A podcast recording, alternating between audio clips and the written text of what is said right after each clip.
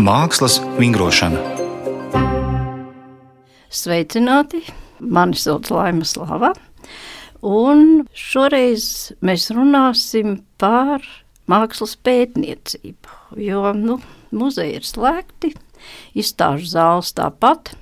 Taču māksla, protams, turpinās. Viņa ir kaut kur, un mums ļoti gribas ar viņu satikties. Un, paldies Dievam, mums ir viens tāds ļoti ērts formāts, kādā ar mākslu tomēr satikties un parunāt par viņu un atrast eh, sevi pavisam īpaši, kaut ko jaunu uzzināt. Nu, protams, tā ir grāmata. Taču, lai tādu grāmatu taptu, ir nepieciešams ilgs un pamatīgs pētniecības darbs. Tādēļ šodien es esmu uzaicinājusi uz sarunu divus ļoti kompetentus mākslas pētniekus, kuri pārstāv arī divas cienījamas institūcijas, kas pēta un izplata arī zināšanas par to, kas ir māksla. Latvijas Mākslas akadēmijas Mākslas vēstures institūta vadošā pētniece Kristiāna Ābele. Sveicināta! Labdien! Un Latvijas Mākslas akadēmijas emeritētais profesors, mākslinieks grafiķis Valdis Villerušs. Sveicināts, Valdi! Labdien!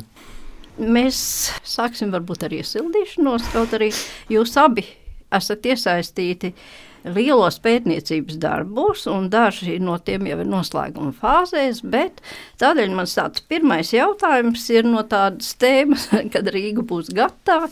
Kā jums izskatās? Vai darbs pētniekiem nedraud aptrūkties? Nu, kā jūs redzat to kopējo mūsu mākslas vēstures apzināšanu? Varbūt Kristiāna vispirms, jo tu pie vēstures strādā. Mums patiesībā ar valdi ir viens kopīgs darbs.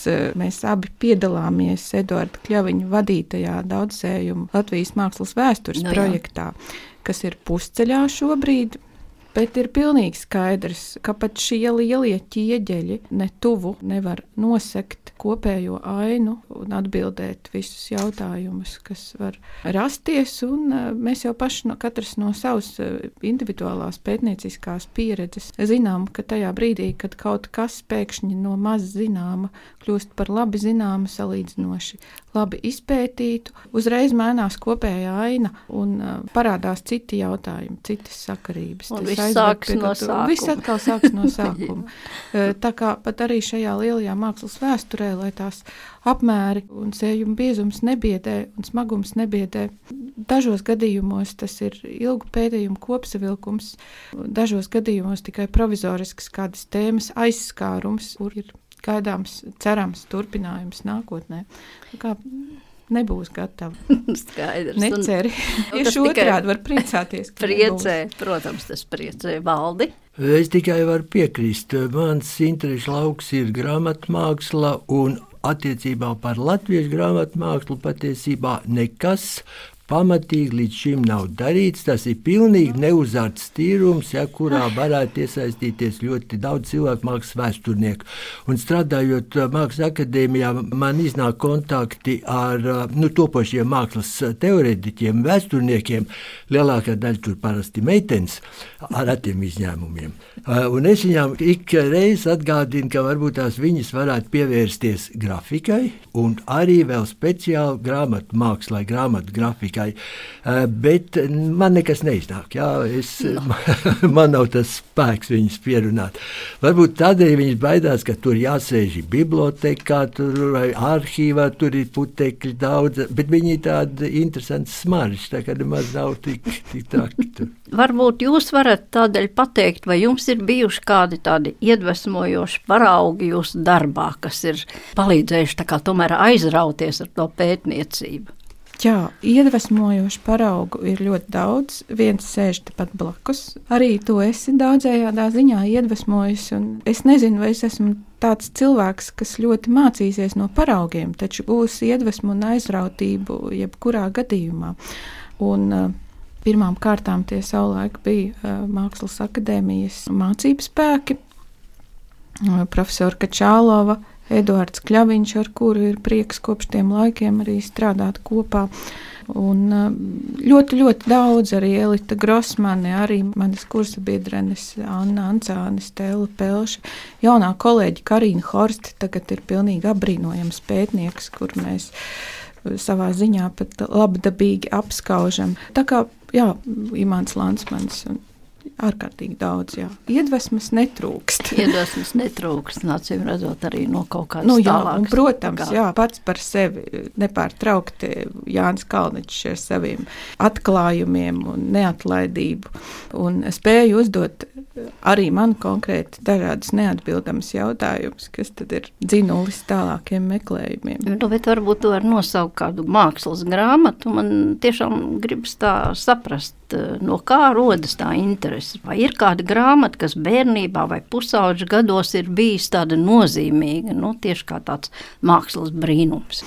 Patiesībā mākslas brīnuma klātbūtnes sajūta caur grāmatām manās mājās, mūsu ģimenē, bērnībā visvairāk saistījās ar mammas čurļoņu kolekciju. Tur bija mapes, albumi, ieraksti, trīs braucieni kopā ar viņu 80. gados uz Čurļoņu muzeju, kas bija kā tāda svētvieta. Vēlāk šī kolekcija auga. Es arī pati to papildināju. Kādā brīdī atskāršot, ka Čurļoņu laukts mājas bibliotekā ir daudz pamatīgāks nekā vispār jebkad izdots par kādu Latvijas mākslinieku. Un tad tā domājot, varbūt arī tieši čurļoņa brīnuma sajūta arī mani pamazām nevilšas noenkuroja tieši tajā gadsimta mīs pētniecības periodā. Nu, jā, to gan var pamanīt. Kā valdim ar tiem paraugiem un ar tiem rosinājumiem agrīniem. Es varu teikt, ka man grāmata visu mūžu ir pavadījusi jau no pavisam agras bērnības. Vecākiem bija neliela, bet tagad es pēc gadiem konstatēju, tāda ļoti saprātīga veidots tāds nekrājums, vienkārši nu, grāmatas, ko lasīja, skatījās.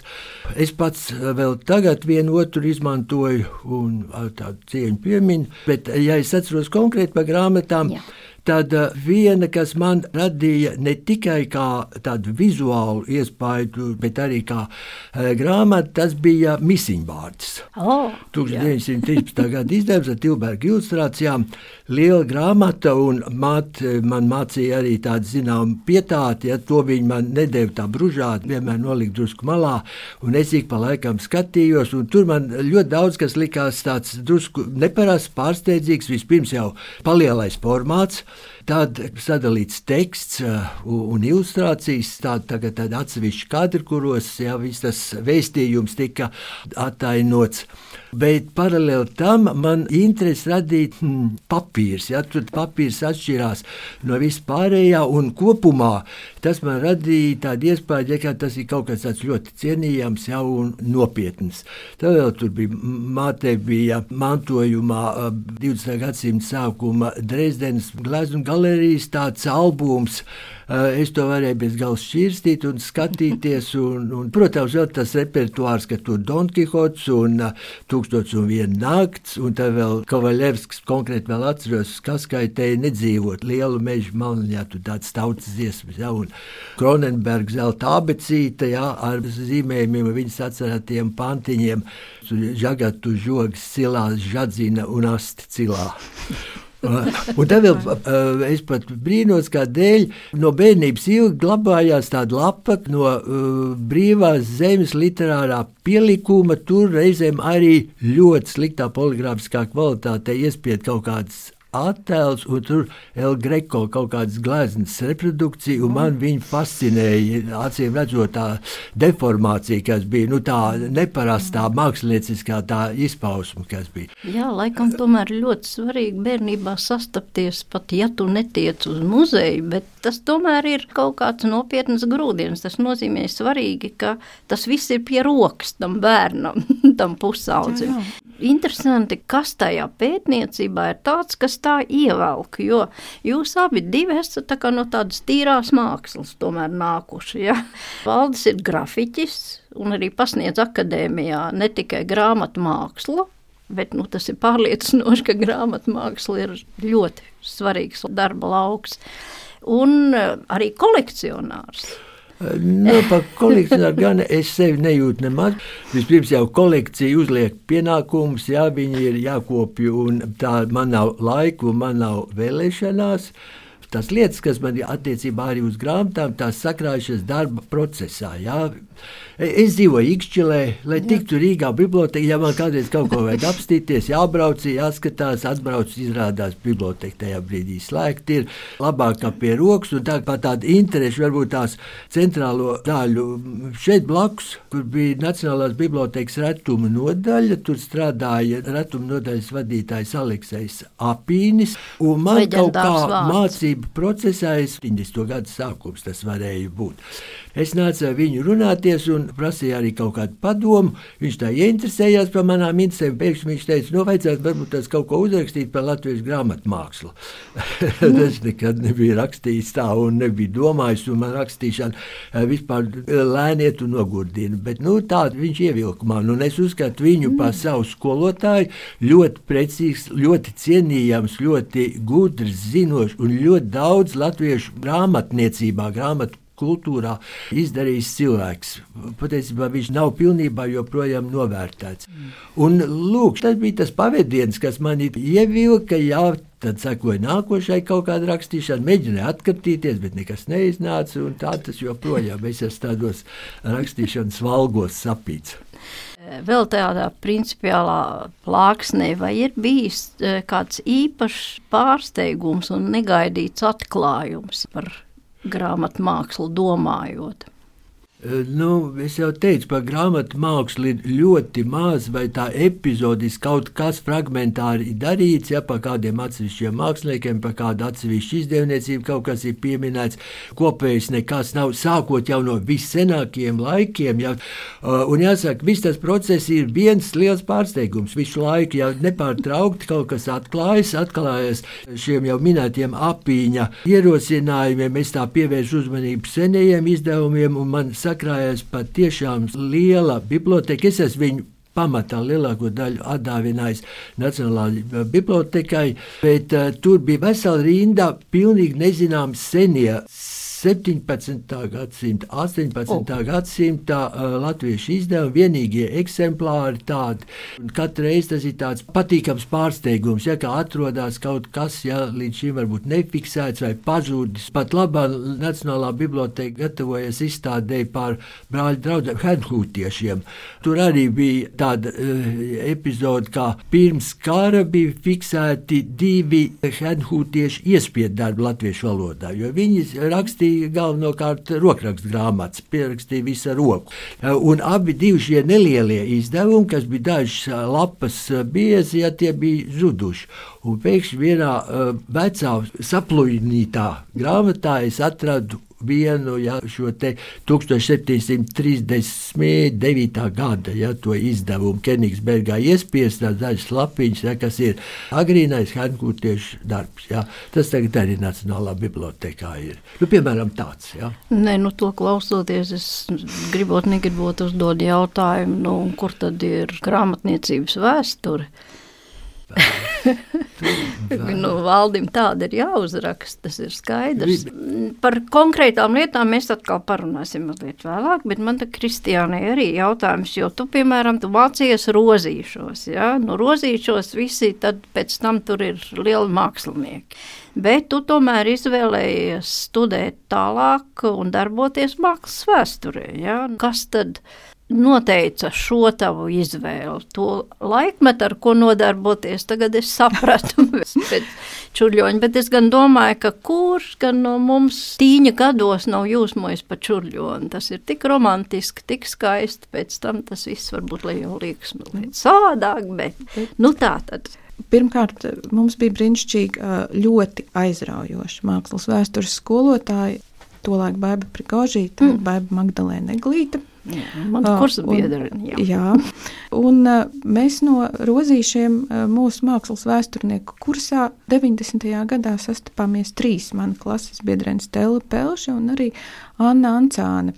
Bija tāds pēdējā skolas klase, varbūt arī tāds krīzes brīdis, kurā es smagi saslimu un tad sapratu, ka es nevaru tajā gadā stāties gleznotājos, kā tas varbūt būtu automātiski noticis. Tad domāju par savām citām interesēm, un tas aizbildinājums pirmajā brīdī bija, ka tikai uz vienu gadu lai tas neiet zudībā, jo mākslas vēsture arī mani interesē, un tad pēc tam stāšos gleznotājos.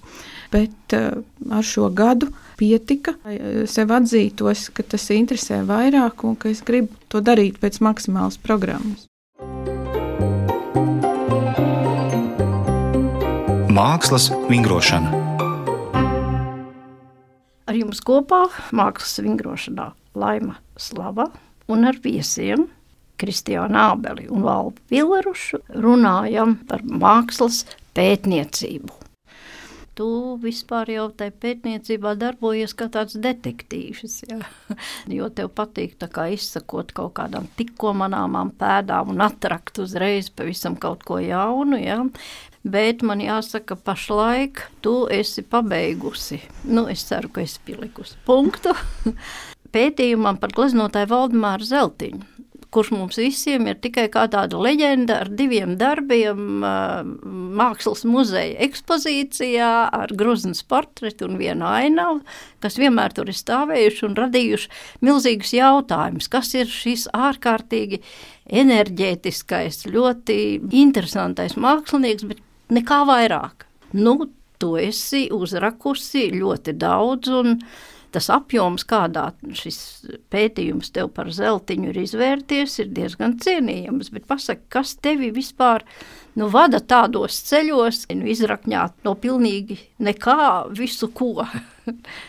Ja mēs meklējam saknes, kā jau tu gribēji bērnībā, tad, protams, jā, liela aizraušanās bija. Joprojām visos krīzes brīžos mīļākā grāmata parlasīt stāstus par Šarloku Holmsu. Un, uh, tas tiešām tāds iedvesmojošs paraugs vistiešākajā nozīmē arī jā, savos kolēģos, eh, Eduardā Kļaviņā, gan citos eh, to mākslas vēsturnieku detektīvu garu. Katram tas, protams, izpaudies citā veidā, citā apmērā, un tas vienmēr ir ļoti, ļoti saistījis.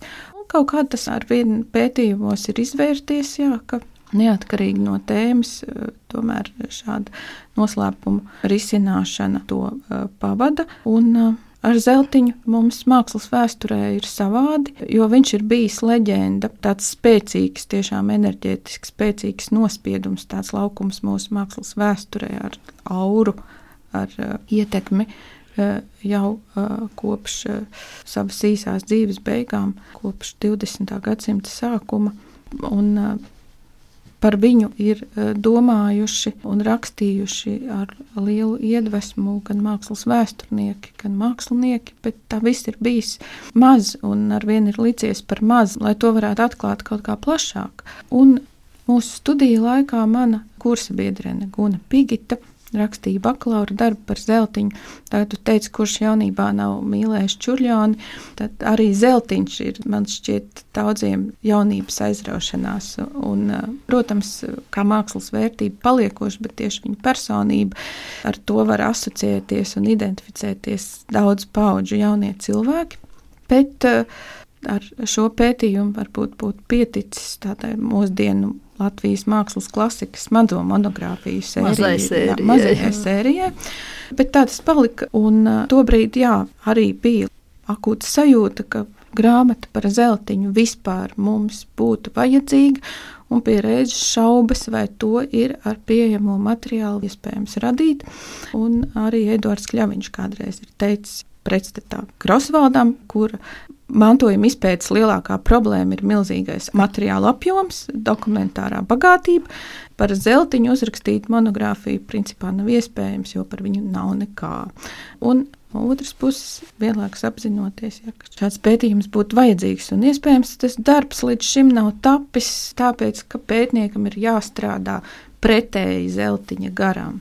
Tas ir zeltiņa, tas nozīmē iedziļinoties visās detaļās. Un Zeltiņš ir teicis, ka tikai amatnieks var skrupulozi strādāt ar katru elementu, visos sīkumos apstrādāt savu materiālu.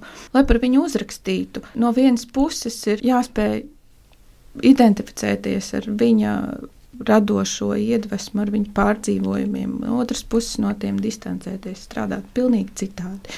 Varbūt tāpēc to arī ļoti gribas izdarīt agrā jaunībā, un nav iespējams to brīdi izdarīt. Bet ko tu centies noskaidrot, kad tu pēti kādu mākslinieku? Nu, principā, ja mākslinieks tevi interesē, kas ir tas, ko tu gribi atklāt? Atbildu šo jautājumu būtu atšķirīga. Nu, tikpat katrs var iztēloties sevi gleznojamu portretu. Un tas, ko mēs gribētu atklāt portretā, vienmēr nebūtu viens un tas pats. Vispirms, protams, veidojas kaut kāds tāds galvenais vektors, kas interesē tieši konkrētās personības liktenī vai tās mākslā. Un tad pamazām no tā materiāla kas varbūt atšķiras eh, no tā, ko mēs gribētu noskaidrot. Pamazām no tās vielas arī veidojas eh, tāds portrets eh, arī laikmetā ainā, un eh, izējumateriāls būs ļoti atšķirīgs. Piemēram, Zeltiņa brālēns Pēters Krastīņš, kas bija mans pirmās grāmatas varonis un iespējams pievēršanās zeltiņam arī bija, eh, kā tu sākumā jautāji par eh, kopainas izpēti, kā kaut kas viens eh, kļūst labāk zināms no mazzināma, tad uzreiz mainās viss kopējā proporcija. Līdz tam par krastiņu zināja mazāk, zeltiņš bija tāda kā vispār zināma leģenda, un Tagad pēkšņi pienāk brīdis, kad par krastiņu ir grāmata un par viņa brālēnu zeltiņu, kur radniecībai atklājoties arī šī pētījuma gaitā, atkal nav nekā vai ir ļoti maz. Un, uh, tajā brīdī arī radās sajūta, ka reiz tomēr jā, jau pēc liela pētījuma par Johanu Walteru. Agri vai vēlu vajadzēs pie zeltiņa atgriezties. Un es esmu pamanījusi tagad savos Waltera laika pierakstos no dažādiem arhīviem, ka es esmu par zeltiņu arī atzīmējusi, uzkrājumu veidojusi. Kādreiz uh, laika gaitā nu, tādai noskārstai vai nenoskārstai vajadzībai. Un zeltiņa gadījumā, protams, ir ļoti būtiska arī tā Laikmetā aina. Tā laikmetā aina. Man, man tā vide, likās. Kurā kopā darbojas eh, teātra, eh, mūzikas, eh, literatūras un mākslas ļaudis, šī bohēma kā tāda starpnozaru sadarbības vide. Ļoti Jaunatne būtiska. tāda, Jaun, riktīgi jā, tādi jā, jauni jā, cilvēki. Mm -hmm. Tajā laikā, un man liekas, ka tas ir ārkārtīgi svarīgi, ka tu mums ļausi tam pieskarties tik tieši un tik dzīvi, nevis tikai. Bet, protams, galvenā asa ir zeltiņš un viņa skat punkts, un par šo laikmetu var uzrakstīt arī citādi. No, Citiem skatījumiem, eh, bet eh, nu, manā gadījumā izlobīt no tā svarīgi to, kas ir saistīts ar, ar zeltiņu. Un, protams, apzināties to, ka viņš eh, ja mums nebūtu tā, kas tomēr ir atlicis no viņa mākslas mantojuma, tad mēs viņu atcerētos kā tādu ekscentrisku leģendu, kā daudzu ievērojamu personību, jaunības atmiņu tēlu. Un, uh, tomēr uh, būtiskākais ir tas, ko viņš ir paveicis kā gleznotājs un zīmētājs. Nu jā, un šis simbolismu laikmets ir joprojām topā, tāpēc ka izstāde lielā visu laiku tiek pieminēta, kas notika Parīzē. Un tas tiešām ir dīvaini, ja līdz galam vēl tur visi galvenie personāļi nav izpētīti. Jā, bet valdi. Jā. Valdis tikko ir beidzis tādu pētījumu par Niklausu Strunki. Tas ir atkal cits leģendārs laikmets. Tas ir starpkara posms, kad gan ir ar neapbruņot aci redzams, ka tas ir laiks, kad grāmatu māksla arī uzplauka. Ir ļoti koši, ja. Un šis eh, tavs pētījums tomēr atklāja atkal par vienu mākslinieku, kurš vispār ir darbojies ļoti plaši dažādos laukos. Tas eh, atklāja no ārkārtīgi daudz ko jaunu, ja? jo nu, šis ir tāds šausmīgi ilgi tapis pētījums, es saprotu, jo viņš arī izvērsās tāds varens un pastāvīgi tika uzlabots, nu, bet kā tu pats formulēt, ar ko tas ir tik īpašs, šis Niklaus? Strunke. Nu, tas bija par Niklaus Strunkas grāmatmākslu, ne par viņu kopumā. Kaut kā nu, tas konteksts, jā, fons, jā, viņa biogrāfija, pie tā strādāja citi šī jā. izdevuma autori. Bet um, grāmata Strunkiem laikam ir bijusi tāda nu, īpaša vērtība, un viņš veltījis īpašu uzmanību jau no agras bērnības, to es arī tur aprakstu, bet uh, viss tas um, pētījuma process interesants bija tādēļ, ka Tāpat kā Zeltiņš, arī Strunke bija tāds ļoti ekscentrisks, ļoti spontāns, ja, tāds uh, mākslinieks, ja, kas uh, varēja ļoti ātri mainīt savu tiksim, tēlotājs to darbības izteiksmi, ja no kaut kādas vienas stilistikas pāriet nedaudz kaut kādā citā stilistikā, dažādās tehnikās strādāt. Un visvairāk laikam viņš ir devis tieši grāmatā, No vienas puses ir tā, ka grāmata viņam bija peļņas avots, bet uh, no otras puses grāmata viņam bija uh, laikam ļoti tuva.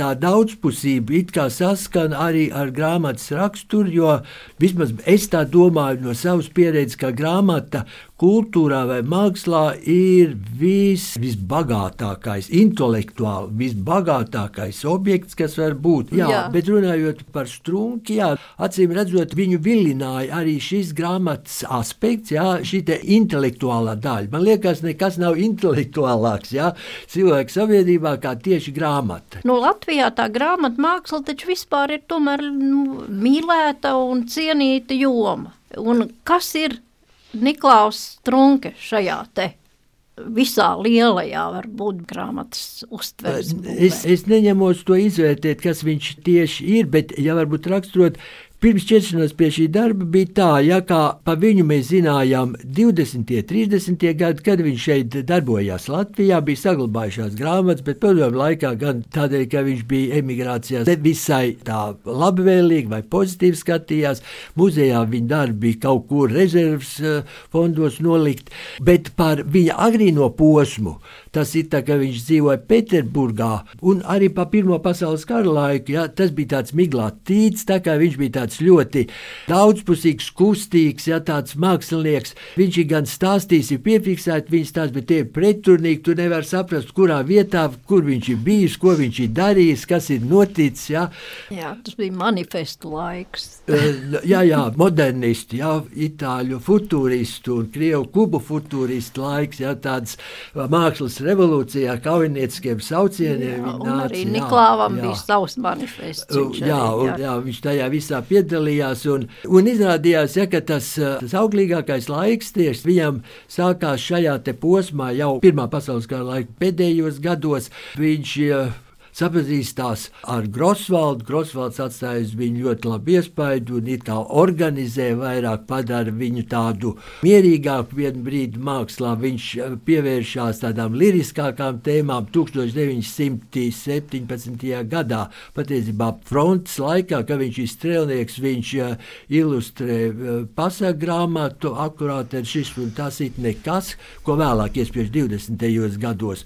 Tā jau ir nu, tāda atšķirīga atšķirīga no tām iepriekšējiem, varbūt tās viņa tādiem svaidīgajiem, dažādi stūrainajiem, lauzītajām formām. Bet tajā pašā laikā viņš nonāk drīz rietumos Berlīnē, kas 20. gadu sākumā ir tāds modernistu centrs, ja tāda tikšanās vieta, ja tur viņš sapazīstās ar itāļu futuristiem, aizrāvjās mazu brīdi ar abstrahēšanas procesu un pievēršās nedaudz vēlāk konstruktīvi Maskvam. Daži darbi ir ja, ļoti spilgti. Tā kā eh, nu, ļoti bagāts tas mantojums ir ļoti dažāds. Viņš visur nāk kā personība.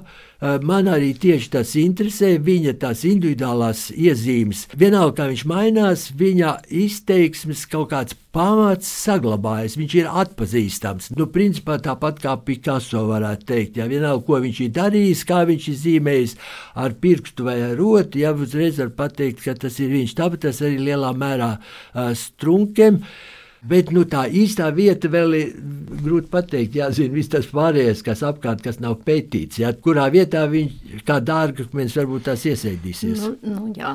Man atklājums tiešām būs viss tas, par ko valdes teica, jo mēs varbūt vairāk zinām, ka viņš ir pasaku ilustrators, tik brīnišķīgs, pēc kura mūsu apziņā kaut kā tas viss ir pilnīgi salicies kopā, ja, tieši šī pasaku pasaule. Jā, Es personīgi uzskatu, ja tagad viņi diezgan labi pazīstot viņa devumu, ja strunki kā krāsaino grāmatu, bērnu grāmatu. Un nevar teikt, ka tas ir bērnu grāmatas. Tas patiesībā ir tāds mākslas grāmatas, ja, jā, jā. kur ir tāds pasaules tēmas. Viņš ir patiesībā nepārspējams. Pie tā mēs jā. varētu palikt, ka tur viņš tiešām ir nepārspējams.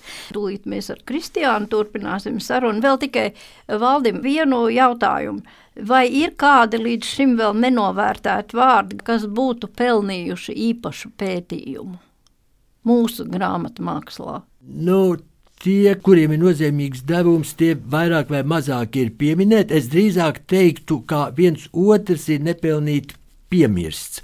Piemēram, nu, kaut vai plēpes, manuprāt, Jā. Plēps ir izcils personīgi. Izcil, Viņam nav jā. daudz labu grāmatu, bet dažas ir izcils grāmatas. Nesen bija tāda jubileja, kaut kā sakritīgi šajā paudzē, it sevišķi, kas nodarbojas ar kograbumu. Tas bija Oļģa Cābelīte, Aleksandrs Junkers, um, Plēpis uh, un Pēters Upīts kograbējs. Jā, un arī Oskars Norīts. Viņi tur dzimuši 1899. gadā un otrs dzimšanas tas gads 1909. gads. Tas viss pagāja pilnīgi nemanot, neviens neko neatzīmēja šīm izcilajām personībām, mm -hmm. gan grāmatmākslā, gan stāļgrafikā, kas Oi, bija. Ņemsim vērā, tā kā gaidīsim pētījumus, bet Kristiāna, tev ir nākamais ļoti atbildīgais uzdevums, jo tu raksti arī grāmatu tagad par Vilhelmu Purvīti kuram arī ir jubileja, un kuru nekādi neviens neaizmirsīs. Tas ir skaidrs. Tas ir nākamais e, jubilejas gads, un būs arī jubilejas izstāde. Nu, bet Purvīds gan ir tas, par kuru jau ir rakstīts, gan Kačālova ir rakstījusi, gan nu, sava laika pētnieki. Nu, pasaki, ko vēl jaunu par Purvītu var pateikt? Ai, pateikt var daudz jauna e, vai piemirsta Un noteikti nākamais gads nebūs pēdējā reize, kad to varēs izdarīt, jo pilnīgi skaidrs paliks vēl daudz neatbildētu jautājumu līdz ar tiem, uz kuriem jau gadu gaitā ir meklētas atbildes burvīša mantojuma likteņa Rūmie noslēpumi droši vien paliks oh. neatrisināti, bez šaubām. Nu, jā. Bet vai kaut daudz, kas tajā virzienā tiek darīts vēl? Tieši tajā virzienā pašlaik aktīvi nē, ir tas informācijas stāvoklis, kāds tas ir, kas ir, protams, novedis eh, strupceļā, bet nepārtraukti parādās eh, dažādas citas eh, purvīša mantojuma saliņas eh, darbi, kurus vēl pirms 20 gadiem, kad tapa iepriekšējais lielais izdevums par viņu, publicēja pēc reprodukcijām ar norādi atrašanās vieta nezināma, eh, bet kas pēkšņi izrādās ir kādā ārzemju muzejā vai tepat Latvijā kādā privāta kolekcijā. Soli pa solim dažādas atbildes summējas, un visu laiku ir sajūta, ka blakus stāv eh, un zināt, kā ar vēro profesora Tatjana Kačālova. Viņa uzdod jautājumus, viņa ir atstājusi daudz jautājumus, uz kuriem grib saņemt atbildes, lai eh, tās, nu, izmantojot mūsdienu informācijas aprites iespējas, gan līdz nesenam laikam ceļošanas iespējas, gan tagad arī dažādu virtuālās pasaules meklējumu iespējas. Pirmām kārtām viņa ir tā, kas gaida šo grāmatu. Un ar tādu, tādu, tādu sajūtu arī šis pētījums top. Jauna, es domāju, jauna būs eh, daudz, jo, piemēram, pagājušajā gadā beigās iznāca mūsu žurnālā Mākslas vēsture un teorija raksts tikai par uh, Purvīša Rēveles periodu, kas ir Rēvela Tallina, tepat blakus, un trīs viņa dzīves gadi, par kuriem iepriekš uh, vienmēr bija rakstīts īsi. Mēs zinājām darbus, uh, šie darbi mūs apbūra, bet kaut kā tiem arī bija parasti paiet garām. Tur arī gadu gaitā sakrājās daudz atbildžu uz dažādiem jautājumiem, un kopā tas izvērsās arī tādā ļoti detalizētā, bagātā vēstījumā. Citos gadījumos tas nebūs iespējams. Būs arī tēmas, par kurām jaunu vairs neko daudz nepateiksim, bet ir, ir daudz jautājumu, kurus es turpinu sev gadu gaitā uzdot un pamazām meklēt uz tiem atbildes.